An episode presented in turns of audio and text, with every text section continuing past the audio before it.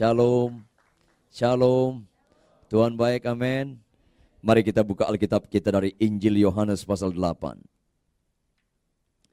Yohanes pasal 8 ayat 30 sampai 36. Yohanes pasal 8 ayat 30 sampai 36. Kalau sudah dapat saya ajak kita membacanya bergantian. Saya baca ayat 30, Bapak Ibu jemaat sekalian baca ayat 31, terus kita bergantian. Kecuali ayat terakhir ayat 36. Ayat 36 kita bersama-sama. Katakan amin. Di bawah judul perikop kebenaran yang memerdekakan. Saya mulai. Setelah Yesus mengatakan semuanya itu, banyak orang percaya kepadanya.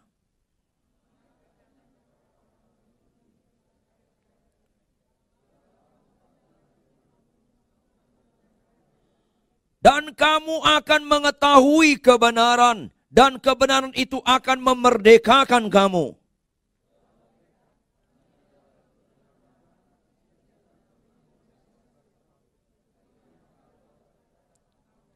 Kata Yesus kepada mereka, "Aku berkata kepadamu, sesungguhnya setiap orang yang berbuat dosa adalah hamba dosa."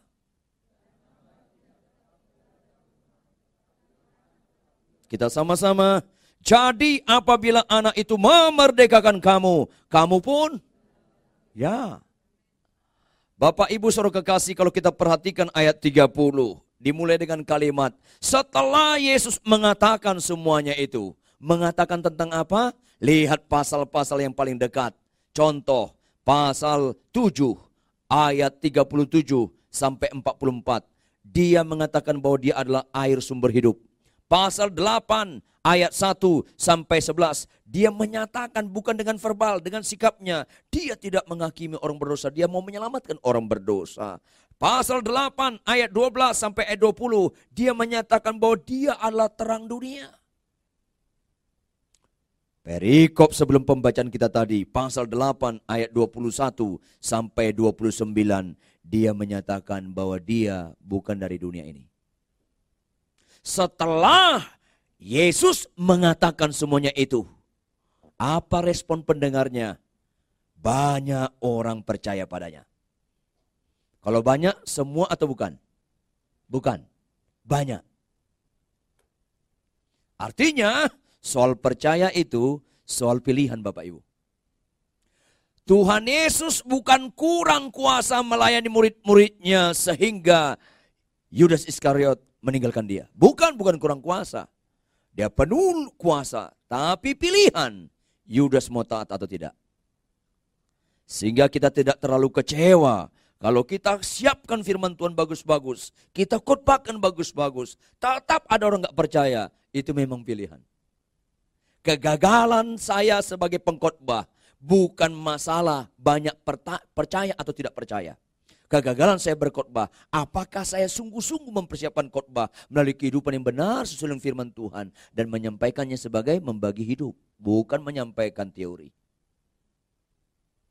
Yeremia salah satu hamba Tuhan yang menurut manusia gagal. Tapi menurut Tuhan sukses. Karena Yeremia selama dia pelayanan sampai mati, satu pun tidak ada yang bertobat. Tapi dia sungguh-sungguh melayani Tuhan. Setelah dia mati, baru mulai banyak orang bertobat. Urusan kita bukan masalah orang bertobat atau tidak bertobat. Urusan kita adalah sungguh-sungguh enggak kita mempersiapkan diri kita dalam melayani firman Tuhan. Iya. Maka Yesus sungguh-sungguh memberitakan firman Tuhan dengan penuh hikmat. Respon pendengar, tidak semua percaya. Banyak orang percaya. Dalam konteks inilah Tuhan berkata kepada orang percaya. Ayat 31. Maka katanya kepada siapa? Orang-orang Yahudi yang bagaimana? Yang percaya. Jadi ayat selanjutnya dialamatkan kepada orang percaya. Bukan kepada pendengar yang tidak percaya. Dia ngomong sama orang percaya. Saya tanya Bapak Ibu jemaat sekalian, orang percaya sudah merdeka atau belum? Orang percaya sudah merdeka atau belum? Sudah dan belum. Catat baik-baik itu. Marilah kita percaya secara jujur dengan percaya berdasarkan Alkitab, bukan berdasarkan perasaan. Orang percaya sudah merdeka tapi belum. Makanya apa kata dia kepada orang percaya? Lihat ayat 31b dengan ayat 32. Apa yang dia katakan? Poin pertama dia katakan, Jikalau kamu tetap dalam firmanku, hai orang percaya, kamu benar-benar adalah muridku. Poin kedua, apa dia katakan kepada orang percaya? Dan kamu orang percaya akan mengetahui kebenaran. Dan kebenaran itu apa? Kebenaran itu apa? Kebenaran itu apa? Akan memerdekakan kamu. Dari aspek keterangan waktu, akan memerdekakan. Sudah merdeka atau belum? Belum. Catat baik-baik. Maafkan saya, maafkan saya. Perbedaan kekristenan dengan agama lain, tahu nggak Anda? Kekristenan agama penebusan. Jangan lupa itu. Itu garis bawahi. Itu dasar iman. Kekristenan itu agama penebusan, bukan hasil usaha sendiri. Maka konsekuensi logis akibat daripada penebusan, tahu nggak ada? Terminologi, studi kata penebusan. Maka orang ditebus itu harus manggil Tuhan bagi yang menebus. Kirios. Tuhan. Maka yang ditebus dulos, hamba.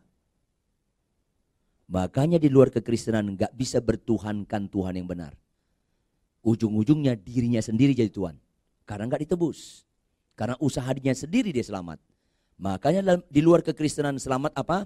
Berbuatlah amal sebanyak-banyaknya. Kalau amalmu lebih berat daripada jahatmu nanti ditimbang, nggak tahu saya siapa yang ditimbang nanti. Ditimbang, maka kau selamat maka keselamatan hasil usaha sendiri. Maka diri ini selalu jadi Tuhan. Tapi dalam kekristenan nggak bisa. Keselamatan nggak mungkin usaha sendiri. Kasih anugerah di dalam dan melalui kematian dan kebangkitan Kristus. Maka kau selamat ditebus Tuhan Yesus. Sehingga kau bukan kepunyaan kau lagi. Makanya kita harus taati Tuhan. Tapi maafkan saya, Apakah otomatis orang bertobat terima Tuhan Yesus langsung dia taati Tuhan? Tidak. Orang bertobat terima Tuhan Yesus itu merdeka secara de jure. Secara de facto harus dimerdekakan terus menerus. Dengan istilah barang siapa ikut aku kata Tuhan Yesus dia harus sangkal diri. Jangan lagi diri menjajah diri. Jangan diri jadi Tuhan bagi diri harus Yesus jadi Tuhan. Sehingga jangan kendakku yang jadi, kendak Tuhan yang jadi. Maka bertuhankan Yesus bukan sekedar nyanyian. Sampai limit tertentu, Tuhanmu bukan yang kau nyanyikan. Tuhanmu siapa yang kau taati. Itu dia. Biar kita nyanyi sampai berbusa mulut kita. Tapi kalau tetap kita taati diri kita, maka diri kita lah Tuhan kita. Karena iman tanpa perbuatan adalah mati. Iman dengan khotbah yang bagus tanpa perbuatan tetap inalilahi. Iman dengan nyanyian yang bagus tanpa perbuatan tetap mati. Makanya lihat Tuhanmu Yesus atau tidak bukan waktu ibadah, bukan waktu khotbah, bukan waktu berdoa. Ketika kau bangun pagi-pagi jam setengah lima pagi, kepagiannya, kebangetan lo. Bangun setengah lima pagi, pasti kalian dengar dua suara. Kebangetan kalau nggak dengar, bolot sekali anda. Pasti dengar dua suara. Suara pertama apa? Suara Tuhan. Anakku, kalau kau dapatkan dirimu hidup, itu bukan karena kekuatanmu. Karena kasih karuniaku. Ayo, naikkanlah syukur. Pujian bagiku. Ambil Alkitab, baca. Kan begitu kan? Suara kedua, suara si aku kan? Apa katanya? Masih gelap. Lanjutkan jilid kedua tidurmu. Kan begitu kan? Mana yang kau taati itu Tuhanmu. Bukan mana yang kau nyanyikan. Catat bebek. Bukankah ada orang percaya terima Tuhan Yesus? Tetap egonya yang juara. Pemenang. Ketika kita bawa mobil macet. Ngejar waktu kita. Macet. Tiba-tiba dipotong orang. Pasti dengar dua suara kan? Suara Tuhan bilang apa? Balaslah kejahatan dengan kebaikan. Lu taati, gua Tuhan lo. Balaslah kejahatan. Suara kita bilang apa? Kurang ajarnya orang. Motong-motong. Potong lagi. Kita potong lagi enggak? Hit potong lagi. Dia potong lagi, kita potong lagi. Dia turunkan kacanya. Kita turunkan pintu mobil kita. Apa loh? Padahal di mobil kita ada stiker tulisannya apa? Yesus Kristus juru mudiku. Mantap enggak? Mujizat loh. Susah kadang-kadang Kristen ini. Makanya lihat Kristen itu bukan waktu di gereja. Lihat di jalan raya. Benar gak di Kristen atau pembalap? Lihatlah Kristen ketika dimaki pasangannya. Ketika istri kita marah-marah. Pasti kita dengar suara dua. Suara Tuhan. Kamu bertuhankan aku? Praktekkanlah balas kejahatan kebaikan mulai kepada istrimu. Iya Tuhan, tapi nggak enak. Tapi aku mau taat Tuhan. Ah itu Kristen. Tapi kalau suara si aku bilang kurang ajar nih orang ngelunjak nih orang kalau maki-maki didiamin ngelunjak dia maki lagi kita maki lagi memang kau lah Tuhanmu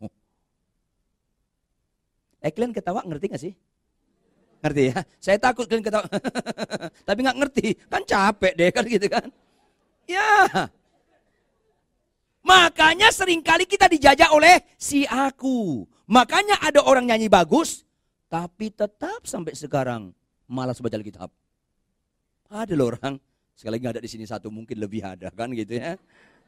Tolong tersinggung ya, tolong tersinggung. Kalau masih bisa tersinggung berarti belum mati rasa, jadi masih bisa bertobat loh. Tapi kalau nggak tersinggung, memang udah mati bahasa loh. Mati rasa, bahasa Batak mati rasa tau nggak? Kopah. Bahasa Jermannya tau nggak? Ndablek. Ya, ada orang Kristen nyanyinya bagus, tetap dijajah malas. Tetap malas. Ada orang Kristen, sudah lahir baru, khotbahnya bagus, tetap dijajah kesombongan. Ada orang sudah lahir baru, terima Tuhan secara pribadi, melayani dia, tetap dijajah pelit. Ada loh orang Kristen pelitnya. Wah, dijajah pelit, kikir banget. Kalau pelayanan dia mau, tapi kalau memberi, oh, rasanya itu pikul salib sama dia. Ada. Ada orang sudah terima Tuhan Yesus, tetap diperbudak bohong. Ada orang sudah terima Tuhan Yesus, ketika dibilang berikan perpuluhan ke gerejamu, tetap ngotot nggak mau. Ngotot dalam kesalahan. Ada. Ada orang sudah percaya kepada Tuhan Yesus, tetap diperbudak onani masturbasi.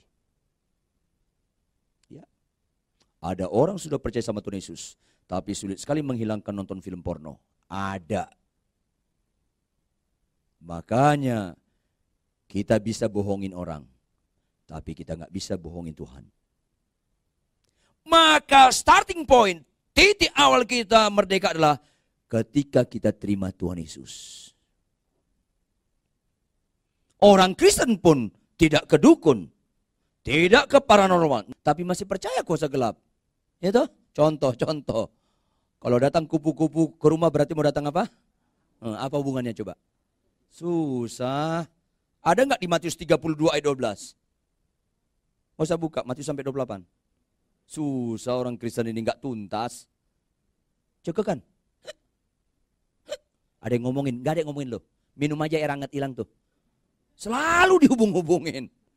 Mental kuasa gelapnya belum hilang. Kan begitu kan? Saya ngobrol sama Pak Daniel. Cerita tentang Pak Tony. Pak Tonynya belum datang. Saya ngobrol tentang Pak Tony sama Pak Daniel. Nongol Pak Tony. Eh panjang umur. Baru kami ngomong. Apa hubungannya? Apakah ada dalam Alkitab kalau kau ngomongin seseorang, orang itu belum ada. Sementara di tengah-tengah kau ngomongin orang itu, orang itu datang, maka dia panjang umur. Apa hubungannya? Uh, memang dasar mental kuasa gelap kita ini semua. Tuntas. Alkitab nggak perlu dibantu oleh kepercayaan tradisi. Alkitab nggak perlu dibantu oleh kepercayaan lain. Alkitab cukup. Katakan amin. Ya. Bangun rumah, taruh pisang di atas. Aduh, kasihan anak kita ngambil. Taruh di meja aja lah. Susah. Benar. Kalau keluar rumah, kaki kiri dulu. Aduh. Kalau komplit kakinya. Selalu dijebak-jebak salah sekali. Iya. Saya punya kiume. Tahu kiume enggak? Ngai punya istri orang Tionghoa Toto, punya kiume orang, orang Batak punya kiume loh. Kiume saya ini orang Kristen, tapi depan pintunya ada cermin. Pernah tahu nggak cermin begitu? Saya bilang kiume untuk apa ini cermin? Untuk menolak bala. Bagaimana kerjanya saya bilang? Ya kalau setan mendatangkan penyakit, setan membawa kesialan, kalau dia mau masuk rumah kita, keburu dia ngaca katanya. Uh. Ketika dilihatnya dia serem, dia pergi. Saya bilang, genit amat tuh setan ngaca segala. Maafkan saya ya, setan tidak pernah takut sama kaca. Kaca gigi, uh, ada macannya gigit pisau, gigit keris, gigit pistol pun nggak ada takutnya itu. Ya, sama Salib pun nggak takut dia. Sama salib nggak takut dia. Dia takut sama apa? Engkau yang disalibkan. Dia takut tuh. Hidupku bukan aku lagi. Disalibkan si akunya. Itu dia takut tuh. Kalau salib saja, tapi hidupmu nggak sesuai dengan firman Tuhan, tetap aja dia nggak takut. Saya dulu empat tahun membina di penjara Cibinang. Ada nama namanya Alkitab, tapi narapidana. Tatonya di tangan sama di dada, gede banget salib. Saya bilang ini bukan salib Yesus. Di Golgota itu ada tiga salib. Ini salib penjahat saya bilang. Ada tiga salib di situ. Eh ngerti gak sih lo? Iya, nggak bisa kita buat berhala salib. Nggak ada takutnya iblis sama salib. Iya, ada anak-anak muda, ibu-ibu muda baca majalah. Lihatnya, eh bintang Gemini cocok nggak sama bintang Leo? Bintang Leo cocok nggak sama bintang Libra? Bintang Libra cocok nggak sama bintang tujuh? Susah. Memang mental kuasa gelap ini. Seringkali belum tuntas dalam kekristenan. Di negara kita ini kuasa gelapnya tinggi. Anda tahu nggak pembentukan kuasa gelap? Anda tahu? Ujung-ujungnya apa? Ujung-ujungnya malas. Iya. Karena kuasa gelap ingin apa? Simsalabim. Sihir, sulap, instan. Makanya saya ingatkan, Kristen identik dengan tekun, rajin, kerja keras. Itu Kristen. Kalau malas itu adalah perusak, kata Amsal. Pemalas teman si perusak. Ya. Anda berdoa tapi nggak bekerja, nggak orait labora, Anda nggak Kristen. Jangan lupa itu. Ya, orang Kristen, penyandang Kristen tidak boleh malas. Ciri kekristenan adalah pekerja keras, tapi not workaholic. Beda. Mabuk kerja dengan pekerja keras beda ya. Orang Kristen nggak gampang ngambek tahan banting. Ku tak akan menyerah pada apa pun juga. Ya, itu orang Kristen. Lebih subur Indonesia daripada Jepang. Benar? Tapi mana lebih tekun? Jepang atau Indonesia? Jepang. Orang Jepang kalau kerja nggak ngobrol. Orang Indonesia kalau kerja ngobrol. Orang Jepang kalau makan sambil ngobrol. Orang Indonesia kalau makan nggak ngobrol. Konsentrasi penuh. Iya. Benar. Makanya orang Jepang kalau kerja keringetan. Orang Indonesia kalau kerja nggak keringetan. Hanya makan keringetan. Iya. Harap tersinggung. ya beda. Beda sekali. Kalau malas, tahu nggak malas? Maling. Ya.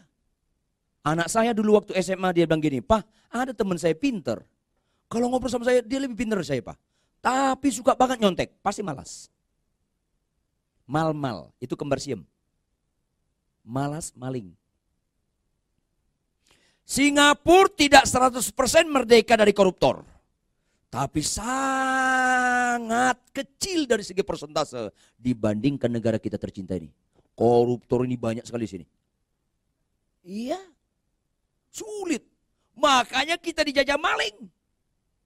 Makanya beda uang dolar Amerika dengan uang rupiah. Benar nggak? Ya beda lah ya. Beda lah ya. Tapi Anda nggak? Anda kritisi dong. Tulisan dalam uang dolar Amerika apa tulisannya? In God we trust. Enak kan? Di rupiah apa? Barang siapa memalsukan uang ini beda. Jangan pura-pura nggak tahu loh. Beda.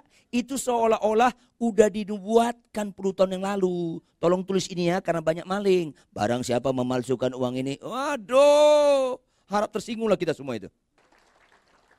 Kita harus dimerdekakan dan bangsa kekristenan orang Kristen, orang percaya sering kali dia nggak mengerti, dikira dengan nyanyi bagus tanpa perubahan tingkah laku udah ibadah enggak. Ibadah nggak ada artinya tanpa berubah. Catat baik-baik. Maka kita harus dimerdekakan terus menerus. Saya orang Batak, nggak usah saya jelaskan juga Anda udah tahu. Tahun 79 saya pernah menjadi pembina pemuda gereja sejakarta Bogor. Keren nggak? Pembina loh. Tapi tahun yang sama saya kedua kali masuk penjara Cipinang.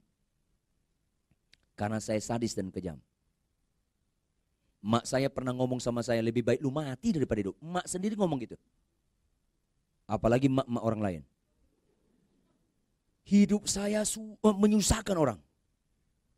Suka nyiksa orang. Sadis. Puji Tuhan, saya dapat mujizat sakit jantung.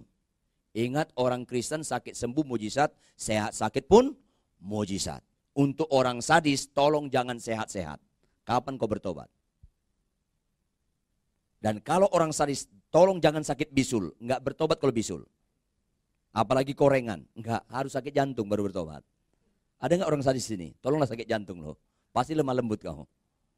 Kalau orang sadis, penjahat, sombong banget. Begitu sakit jantung dia, saya datangin ada orang bekas penjahat, sakit jantung, napasnya satu-satu. Saya bilang, mau nggak bapak bertobat? Oh lembut sekali. Iya pak pendeta, mau. Oh enak banget melayani orang sakit jantung.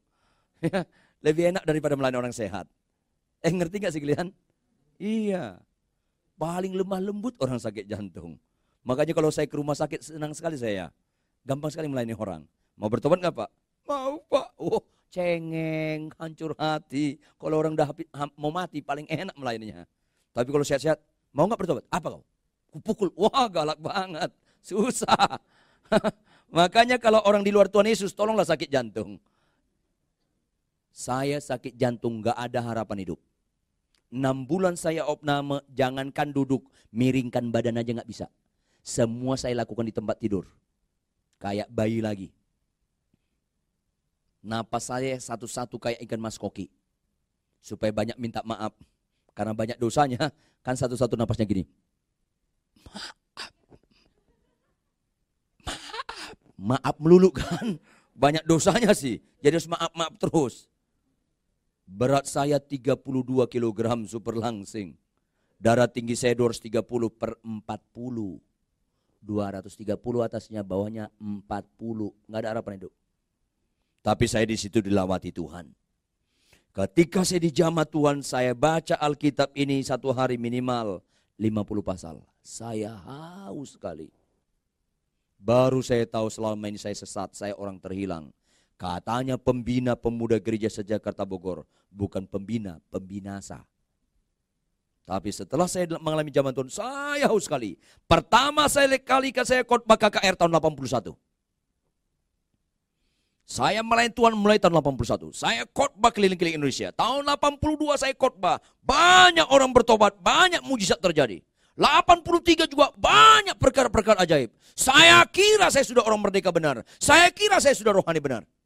Tapi tahun 84 di jalan raya saya di stop polisi. Padahal nggak ada salah saya, saya dipersulit. Ujung-ujungnya dia minta duit. Saya marah. Saya bilang, kamu maling ya? Polisi bilang maling marah nggak? Marah dia. Eh Anda jangan sembarangan ngomong ya. Saya ini aparat, nggak kamu lihat pakai baju dinas. Makin marah saya. Maling lebih terhormat dari Anda saya bilang. Maling nggak pakai baju dinas, Anda pakai baju dinas. Marah dia. Saya ditangkap. Saya tarik tangan saya. Saya lihat ada balok. Saya pukul. Kemudian datang polisi banyak. Saya masuk sel lagi. Mujizat nggak? Hamba Tuhan KKR masuk sel. Aduh saya nangis di sel. Bukan karena takut selnya. Tapi saya nangis, Tuhan kenapa saya bisa mukul orang lagi Tuhan. Apa kata Tuhan sama saya? Rituan, Rituan, mentang-mentang kau khotbah. Kau kira kau nggak mukul tahun 81, kau nggak mukul 82, kau nggak mukul tahun 83 karena kau sudah merdeka. Belum. Kau nggak mukul tahun 81, 82, 83 bukan karena kau sudah bertobat. Kau nggak mukul karena belum ada kesempatan untuk mukul. Aduh Tuhan. Baru saya ngerti. Maafkan saya. Jangan-jangan Anda bapak-bapak pemuda-pemudi. Jangan-jangan Anda nggak mukul orang. Bukan karena sudah bertobat. Jangan-jangan karena belum ada kesempatan. Berarti Anda belum merdeka dari mukul orang. Atau ada kesempatan. Anda nggak mukul bukan karena bertobat. Tapi karena nggak berani. Sebenarnya sih mukul tapi nggak berani aja. Sama aja. Makanya kemerdekaan sejati salah satu mujizat yang hebat dalam Alkitab adalah Yusuf. Itu menunjukkan dia merdeka. Pernah cerita dengar cerita tentang Yusuf? Yusuf kerja di rumah Om Potifar. Pernah dengar itu? Om Potifar kaya atau miskin? Kaya, tinggalnya di menteng sini. Boleh ya, saya dramatisir sedikit boleh dong ya. Kan saya khotbah. Boleh dong. Dia kaya. Om Potifar tugas ke Australia. Tinggal Tante Potifar dengan pembantunya. Orang kaya pembantunya banyak. Dipanggil pembantunya empat wanita. Mbak sini mbak, beli garam ke Cirebon. Dipanggil empat pembantu pria. Sini kalian. Salah satunya si Ucup, Yusuf ya.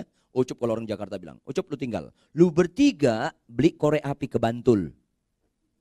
Apa yang saya ucapkan ini didukung Alkitab. Alkitab berkata, apa kata dalam kitab kejadian? Rumahnya sangat sepi. Ke mana semua? Suruh pergi. Alkitab menulis rumahnya sangat sepi. Gak ada orang. Maka Tante Potifar ini menggoda Yusuf untuk berzina. Saya tanya Anda Bapak Ibu, digoda dia berzina, ada nggak kesempatan Yusuf untuk berzina? Ada. Saya tanya kalian, ketika digoda berzina, apa reaksi Yusuf? Ada yang tahu nggak Yusuf ngapain? Lari ke mana? Ke sana atau ke sini? Saya mau tanya dong. Ke sana dia. Itulah merdeka. Maafkan saya Bapak Ibu. Jangan-jangan sampai detik ini kita nggak berzina, Bukan karena sudah bertobat. Jangan-jangan karena belum ada kesempatan. Ayo kita kritisi dong. Jangan-jangan kita nggak koruptor bukan karena sudah bertobat. Jangan-jangan karena belum ada kesempatan. Apakah kita sudah merdeka benar? Itu perlu kita renungkan.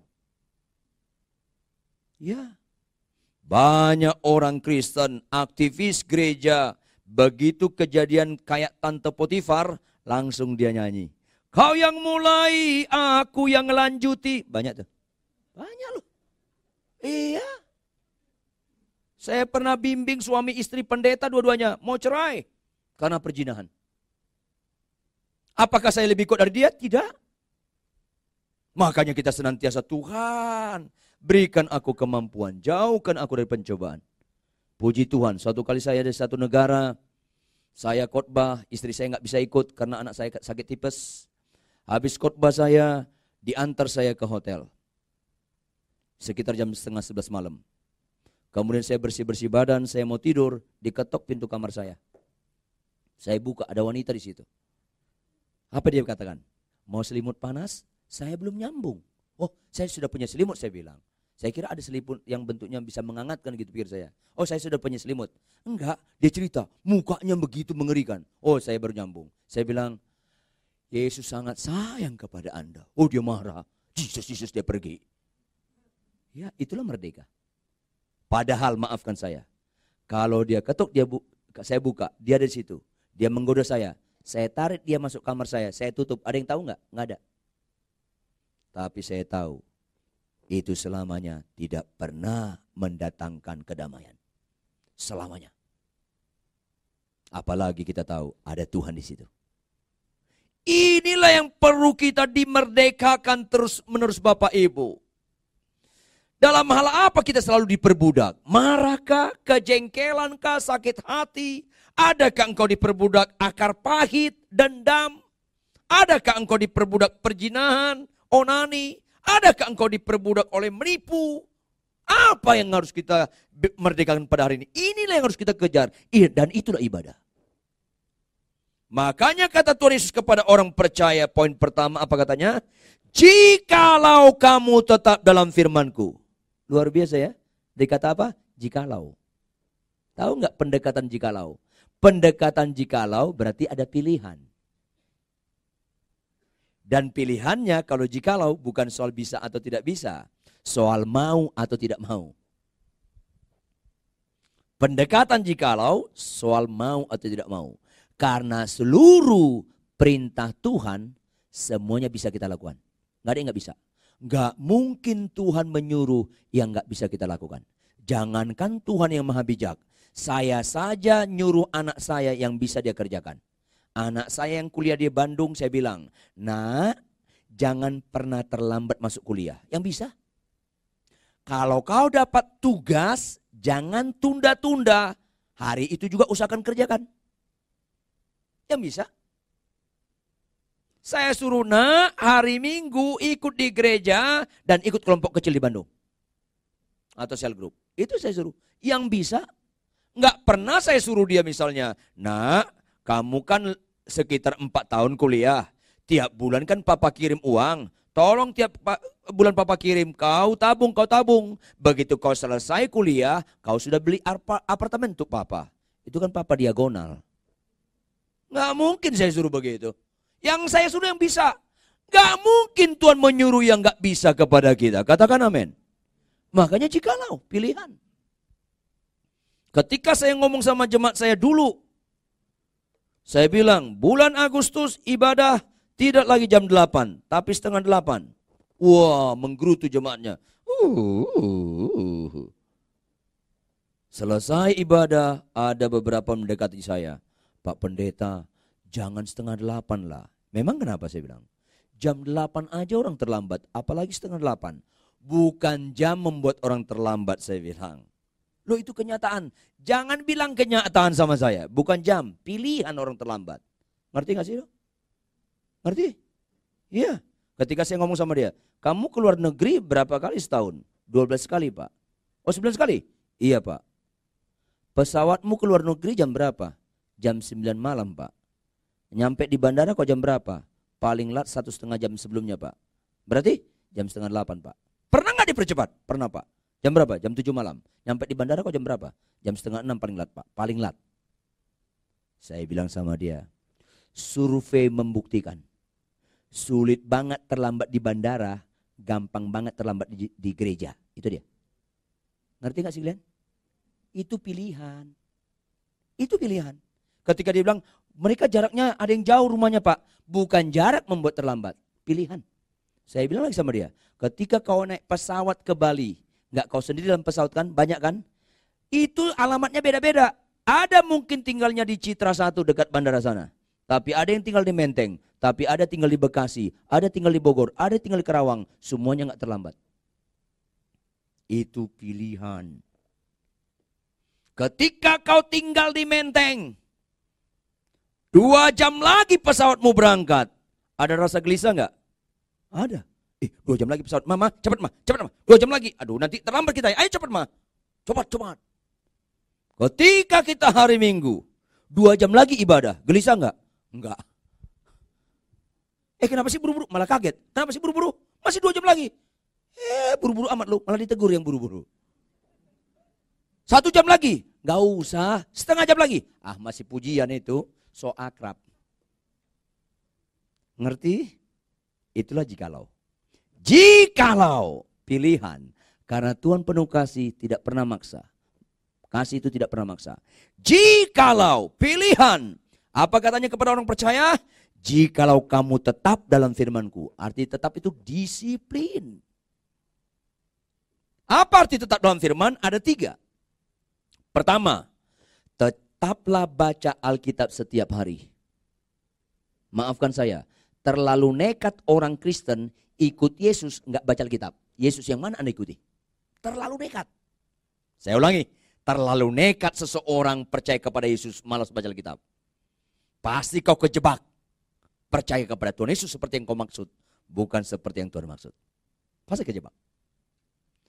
Tetap, tetap baca Alkitab. Yang kedua, merenungkan firman Tuhan siang dan malam. Itu bagian tetap dalam firman.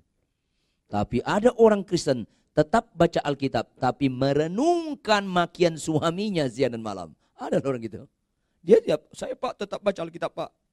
Tapi pak, tolong layani suamiku. Kebangetan dia pak. Menangis. Karena direnungkannya makian suaminya dua tahun yang lalu. Direnungkan terus. Tuhan senyum-senyum. Kenapa kau renungkan? Kenapa enggak kau renungkan kata-kataku? Karena kata-kata Tuhan, penilaian Tuhan lebih berbobot daripada kata-kata suami. Ketika suami ngomong, eh tahu nggak lu, muka lu itu kayak kuntilanak. Waduh, direnungkan dia. Aduh. Sampai dihakimi, jangan-jangan gua memang udah kayak kuntilanak. Aduh, padahal Tuhan ngomong apa? Engkau berharga di mataku. Engkau biji mata. Yang yang bagus nggak direnungkan. Yang kuntilanak direnungkan. Tuhan bilang itu pilihan. Seharusnya ibu-ibu kalau suami Anda ngomong, tahu nggak muka lu itu nenek-nenek, senyum aja. Tuh, bila perlu pokok doa, Tuhan tolonglah. Mungkin perlu biaya ganti kacamata suamiku. Begitu aja. Atau perlu dia kataraknya di operasi gitu ya. Karena Tuhan nggak pernah ngomong, eh kayak nenek-nenek. Pernah nggak Tuhan ngomong gitu? Nggak pernah. Tuhan bilang apa? Engkau berharga di mataku. Engkau biji mataku, engkau umat kesayanganku. Itu kata Tuhan. Jadi kalau suami ngomong, engkau kayak nenek-nenek. Waduh kasihani dia itu. Mungkin perlu operasi mata dia. Ya. Tapi sering kali kita renungkan makian suami, merenungkan makian ipar, merenungkan makian mertua, merenungkan makian menantu. Akhirnya langgenglah sakit hati. Itu pilihan. Ya, tetap dalam firman Tuhan. Bukan saja baca, tapi merenungkan firman Tuhan siang dan malam. Yang ketiga, roh kudus, roh penolong yang senantiasa hadir dalam hidup kita siap sedia menolong kita untuk menerapkan firman itu, maka tetaplah kita berdoa Roh Kudus. Firman ini bukan untuk dikotbahkan, firman ini bukan untuk aku ketahui, tapi firman ini untuk kulakukan. Tolonglah Roh Kudus aku lakukan. Ya. Itu tetap. Maka apa akibatnya? Kamu benar-benar adalah muridku. Murid bahasa Inggris apa Bapak Ibu? Disciples. Dari akar kata apa? disiplin.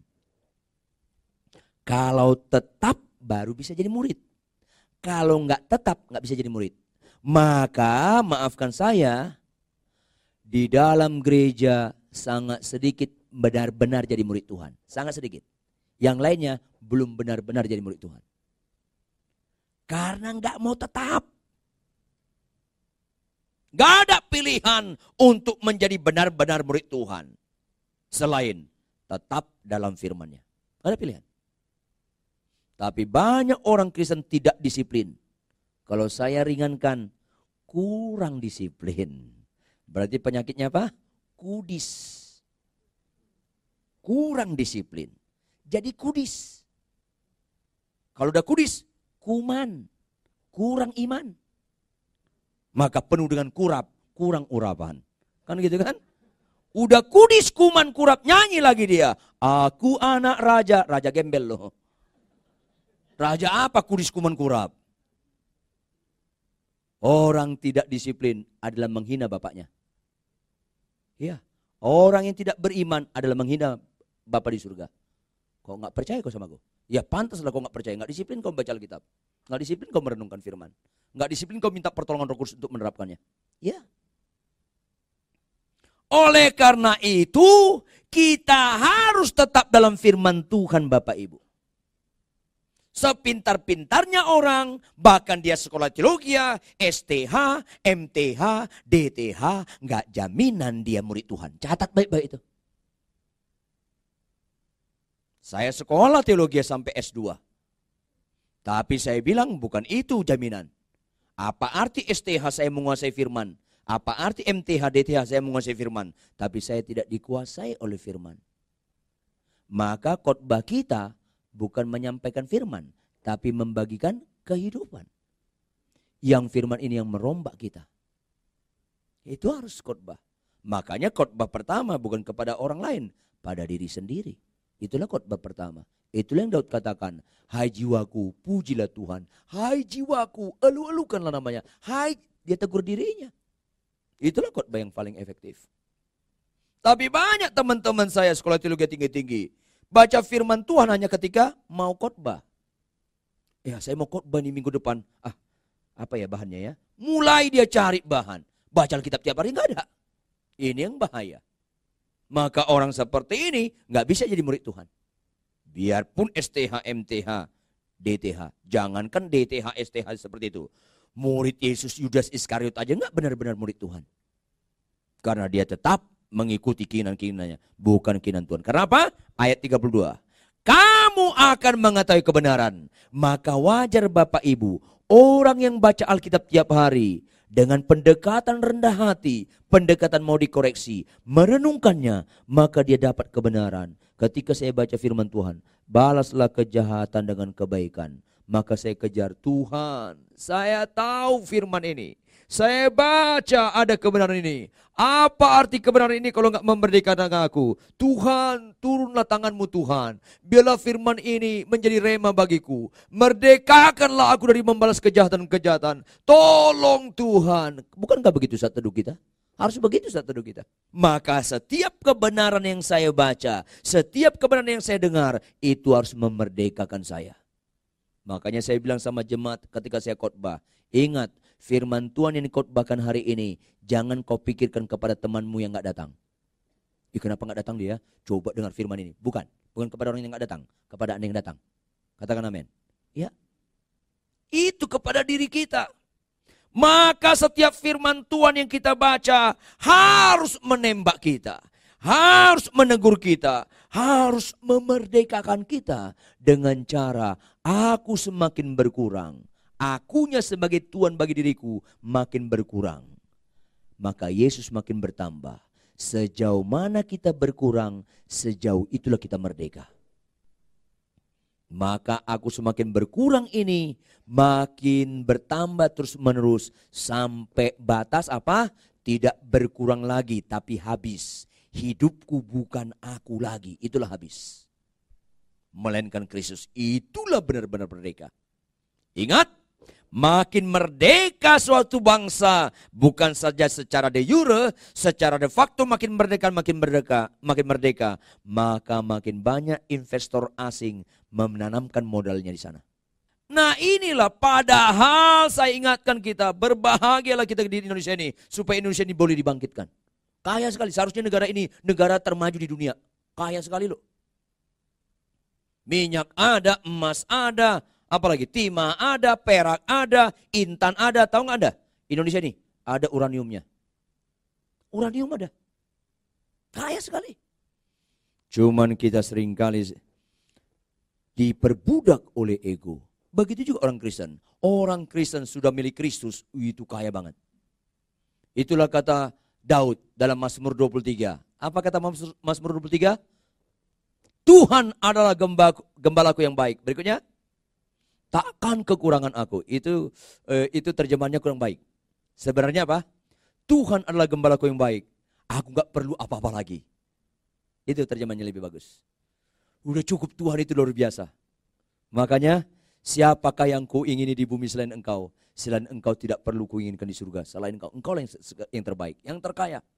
Makanya Daud bilang apa?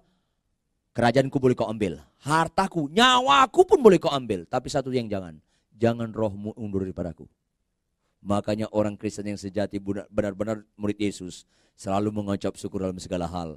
Selalu bersuka cita senantiasa. Karena dia kaya sekali. Tapi banyak orang Kristen memiliki Kristus. Tetap mental pengemis. Tetap mental orang miskin. Ah ini bahaya. Karena apa? Diperbudak oleh si ego.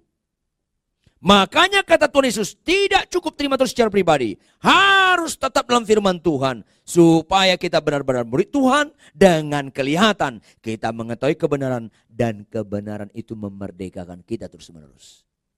Berikutnya ayat 33. Seringkali kita terjebak dari hal ini. Ayat 33. Jawab mereka, kami adalah keturunan Abraham dan tidak pernah menjadi hamba siapa pun. Bagaimana engkau dapat berkata kamu akan merdeka? Mereka mengangkat alasan lahiriah keturunan Abraham. Entah keturunan siapa pun kita, kita harus dimerdekakan terus-menerus. Seringkali orang Kristen lahir baru pun terjebak kepada hal-hal lahiriah. Saya sedih sekali seorang hamba Tuhan datang ke saya, dia bilang apa? Pak Ridwan, Pak Ridwan cukup lama loh jadi hamba Tuhan. Iya emang kenapa saya bilang. Saya lihat Pak Ridwan ini kurang urapan. Loh kasih tahu dong. Supaya saya diperbaiki. Soalnya gini Pak. Apa yang dia katakan? Sedih sekali siapa yang dikatakan. Pak saya lihat kami sudah ganti-ganti mobil. Bapak mobilnya masih itu-itu. Nggak ada hubungan saya bilang. Nggak ada hubungan urapan dengan ganti-ganti mobil. Sedih rasanya saya. Selalu ukurannya harta, menjadi urapan. Ini sedih saya. Saya ingatkan Anda, saya tidak kekurangan, malah berkelimpahan. Saya khotbah di dalam negeri, di luar negeri, berkelimpahan saya. Tapi saya dengan istri saya si Ho Milin, kami merdeka dari berkat-berkat itu. Istri saya sepakat, setiap persembahan saya serahkan sama dia, langsung dia potong sebagian besar, bukan perpuluhan, sebagian besar dikirim ke hamba Tuhan pedalaman. Selalu rutin. Padahal kalau kami hambat untuk diri kami sendiri, wajarlah mobil saya mewah. Tapi bukan untuk itu saya dipanggil. Selama mobil saya bisa dipakai dan uang bisa disalurkan kepada hamba Tuhan di pedalaman, di daerah, kami merdeka. Itulah Kristen. Selalu konsep-konsep orang Kristen sering kali seperti konsep dunia. Seolah-olah kehidupan kita ini mendirikan kerajaan di dunia. Padahal Tuhan Yesus katakan, katakan apa? Kumpulkanlah harta yang tidak habis dimakan ngengat. Ya. Ya. Saya bilang, yang penting kita berikanlah kami makanan pada hari ini secukupnya. Terakhir bensin naik, solar naik, nambah hamba Tuhan kirim surat sama kami. Pak pendeta tolonglah kami. Saya ngomong sama istri saya, pos mana lagi yang harus kita kirim? Udah cukup semua kita kirim. Kita sepas-pasnya saja. Bisa anak kuliah.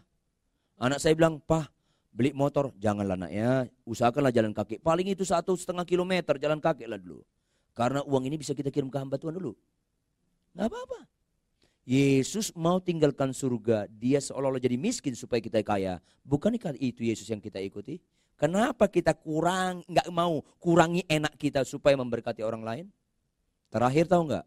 Ada beberapa orang lagi minta bantuan. Saya bilang sama istri saya, sama anak saya, ketika liburan saya kumpulkan mereka. Kita tambah lagi hamba Tuhan minta bantuan. Pos mana yang kita kurangi? Maka kita lihat, oh listrik bisa kita kurangi nggak? Maka ini ini kita kurangi, nyala ini enggak. AC nyala hanya boleh jam 11 malam ke atas, sekitar jam 2 kita matikan. Supaya berkurang, supaya ada yang kita geser. Harus berani. Saya tanya sama istri saya terakhir. Beras satu, satu kilo berapa mau beli? 11.500. 11.500. Sekarang bagaimana? Bisa nggak 7.000? Supaya kita geser ke orang. Itulah Kristen. Jangan bicara tambah kaya lagi, aku tambah. Bukan itu Kristen. Mau nggak kita jadi saluran berkat? Itulah Kristen. Merdeka nggak diikat oleh uang. Itulah Kristen. Pikul salib. Kesulitan orang jadi kesulitan kita. Itulah pikul salib. Terakhir saya bilang sama anak saya, bisa nggak dikurangi jatah kalian? Uang jajan kalian? Aduh pak enggak lah. Ya kalau bisa ya silakan. Kalau enggak enggak apa-apa. Seminggu ini supaya tunggu. Terakhir anak saya bilang, iya pak saya mau dikurangin. Saya rasanya terharu. Terima kasih Tuhan. Kalau jajan sini kan nggak mati kau kan? Gue bilang, enggak pak. Cuman yang nggak makanan lebih enak lagi, nggak apa-apa lah ya. Di rumah kita makan sayur, makan apa, sehat lah kita. Ya itu Kristen Bapak Ibu. Maafkan saya, itulah Kristen. Orang diberkati bukan apa yang ada dia punya. Tapi apa yang dia beri, itu tunjuk berkat. Itulah menunjuk dia berkat. Ya, oleh karena itu, jangan alasan-alasan lahiriah menunjukkan kita merdeka. Jangan. Anda tidak mengerti ikut Yesus kalau begitu. Ya. Suatu kali dulu saya pernah memimpin perjalanan ke Israel. Ada orang datang ke saya. Pak Ridwan udah berapa kali ke Israel? Baru kali ini saya bilang. Aduh Pak Ridwan, kurang diurapi. Itu lagi istilahnya sama dia. Saya Pak Ridwan tahu nggak Pak Ridwan? Saya tiap tahun 19 kali ke Israel. Kaget saya. 19 kali? Iya Pak. Lantas saya bilang, kamu kan gembala jemaat. Iya. Kalau 19 kali kalau ke Israel, Anda nggak gembala saya bilang. Anda tour leader. Kalau gembala itu nggak boleh banyak keluar. Tour leader 19 kali. Satu kali perjalanan 11 hari 12 hari. Kali 19. Udah hampir 200 hari dia di luar. Kapan lu menggembalakan? Itu bukan kebanggaan, itu menghina dirimu saya bilang. Kecuali Anda sepakat, mulai detik ini aku nggak gembala, aku tour leader. Ah, diberkatilah kau saya bilang. Kadang-kadang itu kebanggaan bukan. Saya bilang sama beberapa apa uh, apa tour travel yang mau bawa ke Israel, saya uh, satu tahun hanya sekali, saya mau. Lainnya enggak. Saya punya jemaat, saya bilang. Pernah saya diminta, Pak dua kali lah, jangan satu kali. Karena enggak lebih rohani sering ke Israel daripada enggak pernah ke Israel. Tapi kalau Anda ada kesempatan ke Israel, silakan pergi. Tapi bukan ukuran rohani loh. Suatu kali saya pernah memimpin 103 orang, 8 orang pendeta. Jam setengah lima pagi saya bangunin, ayo kita sembahyang, kita menyembah. Menyembah. Seorang pendeta bilang apa? Tuhan, kami di kota sucimu, kami dekat sekali dengan engkau. Waduh, saya bilang, Tuhan tolong saya bicara sama dia, bagaimanapun dia hamba Tuhan. Tolong saya menghormati dia. Ada kesempatan empat mata kami saya ngobrol. Pak, tolong hati-hatilah berdoa. Loh kenapa Pak Pendeta? Ini enggak kota suci Tuhan. Kekristenan tidak ada Holy Land. agama tetangga yang punya Holy Land. Yerusalem bukan Holy Land. Catat baik-baik, itu bukan Holy Land. Yerusalem tetap tanah biasa. Dan di Yerusalem dengan di Bekasi sama dekatnya Tuhannya. Catat baik-baik itu. Ya, supaya jangan salah kita. Bukan ukuran lahiriah. Kata Tuhan apa? Aku tidak aku menyertai engkau. Sekali-sekali aku tidak meninggalkan engkau. Entah kau di Bekasi, entah di Jayapura, entah di Yerusalem, entah di Bethlehem, sama dekatnya.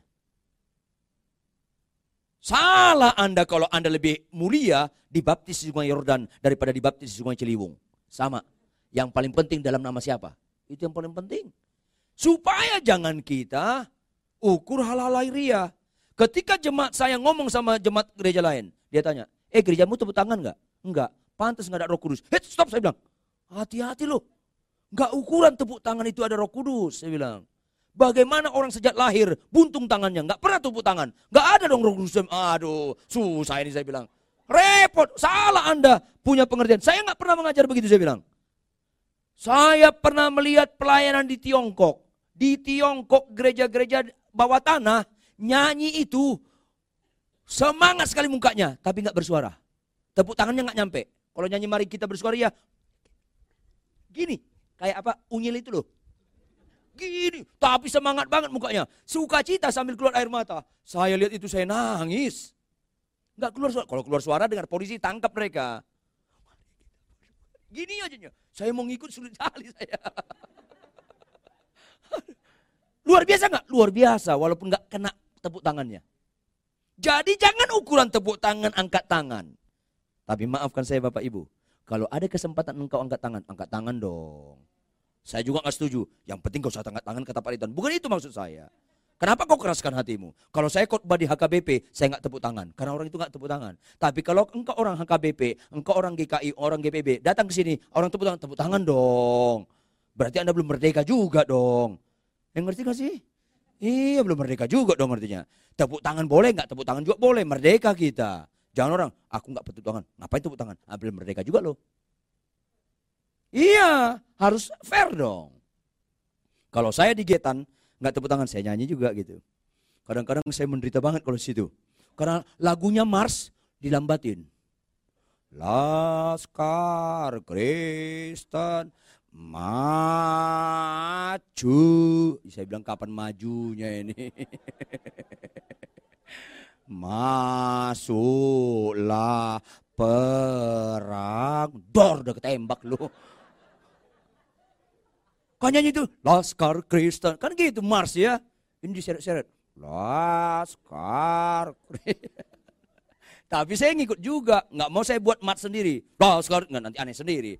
Terpaksa saya sangkal diri. Laskar Kristen. Oh menderita banget. Karena latar belakang saya dosen musik. Suka jadi juri. Diajak begitu. Ya ikut aja lah. Sangkal diri pikul salib kan begitu ya. Kadang-kadang oh gregetan. Tapi kita harus ikut. Tapi jangan Anda biasa di gereja begitu, datang ke sini tetap gitu juga. Mari kita bersuka. Ya, menderita kiri kanan lu nanti. Berarti kau belum merdeka, kan begitu? Makanya kata Paulus orang merdeka, menangis dari tengah menangis, bertepuk tangan dari tepuk tangan. Saya sedih, orang tepuk tangan, di gereja nggak tepuk tangan, kita tepuk tangan, kan aneh sendiri. Tapi orang nggak tepuk tangan, masuk gereja tepuk tangan, nggak mau juga tetap tepuk tangan. Sasamiwon, sama saja sami mawon nggak merdeka. Amin. Iya, merdeka kita. Saya tepuk tangan, saya nggak tepuk tangan, saya angkat tangan, saya nggak, saya melompat, saya nggak melompat, saya merdeka. Itulah Kristen. Jangan ukuran-ukuran lahiriah. Cara ibadah jangan lagi ukuran. Tapi melayanilah datang. Maka di saya khotbah di GPB, saya melayani. Sesuai dengan keberadaan dia, saya ikutin. Saya melayani. Asal berita kebenaran nyampe. Kan gitu kan. Saya pernah kasih seminar di seminari Katolik. Mereka nyanyi jadi saya ikut. Berita firman diberitakan. Asal isinya jadi korban kan. Cara boleh. Casing boleh ganti. Isi jangan. Kan gitu kan. Packing bisa berubah. Isi jangan. Nah, kadangkala kita berkutat, bersilat lidah di cara, di casing. Ah, ini repot. Itu tidak boleh. Ukuran-ukuran lahiriah jangan Anda utarakan sebagai menunjukkan kebenaran. Saya ini pendeta, biarpun pendeta saya, saya pun harus dimerdekakan terus-menerus. Nabi sekalipun harus dimerdekakan terus-menerus. Maka Tuhan Yesus menunjukkan arti mereka tidak mereka dengan sederhana. Ayat 34, ayat 34. Kata Yesus kepada mereka, aku berkata kepadamu, sesungguhnya setiap orang yang berbuat dosa adalah hamba dosa. Ini juga terjemahannya kurang pas. Bukan setiap orang berbuat dosa. Saya tidak excuse. Orang percaya masih mungkin nggak jatuh dalam dosa? Masih mungkin. Tapi maksud Tuhan apa? Setiap orang yang berbuat dosa itu lagi, itu lagi, itu lagi. Berarti kau hamba dosa. Itu maksudnya. Kalau kau sudah minta ampun dari malas baca Alkitab, jangan ulangi dong. Tuhan, aku dengar firman Tuhan, ampuni aku Tuhan. Selama ini aku malas baca Alkitab. Dua, tiga hari, lima hari rajin. Eh berikutnya malas lagi. Oh Tuhan, di satu lagi. Ampuni. Dua, tiga hari rajin. Eh berikutnya malas. Itu mah hamba dosa loh. Itu lagi, itu lagi.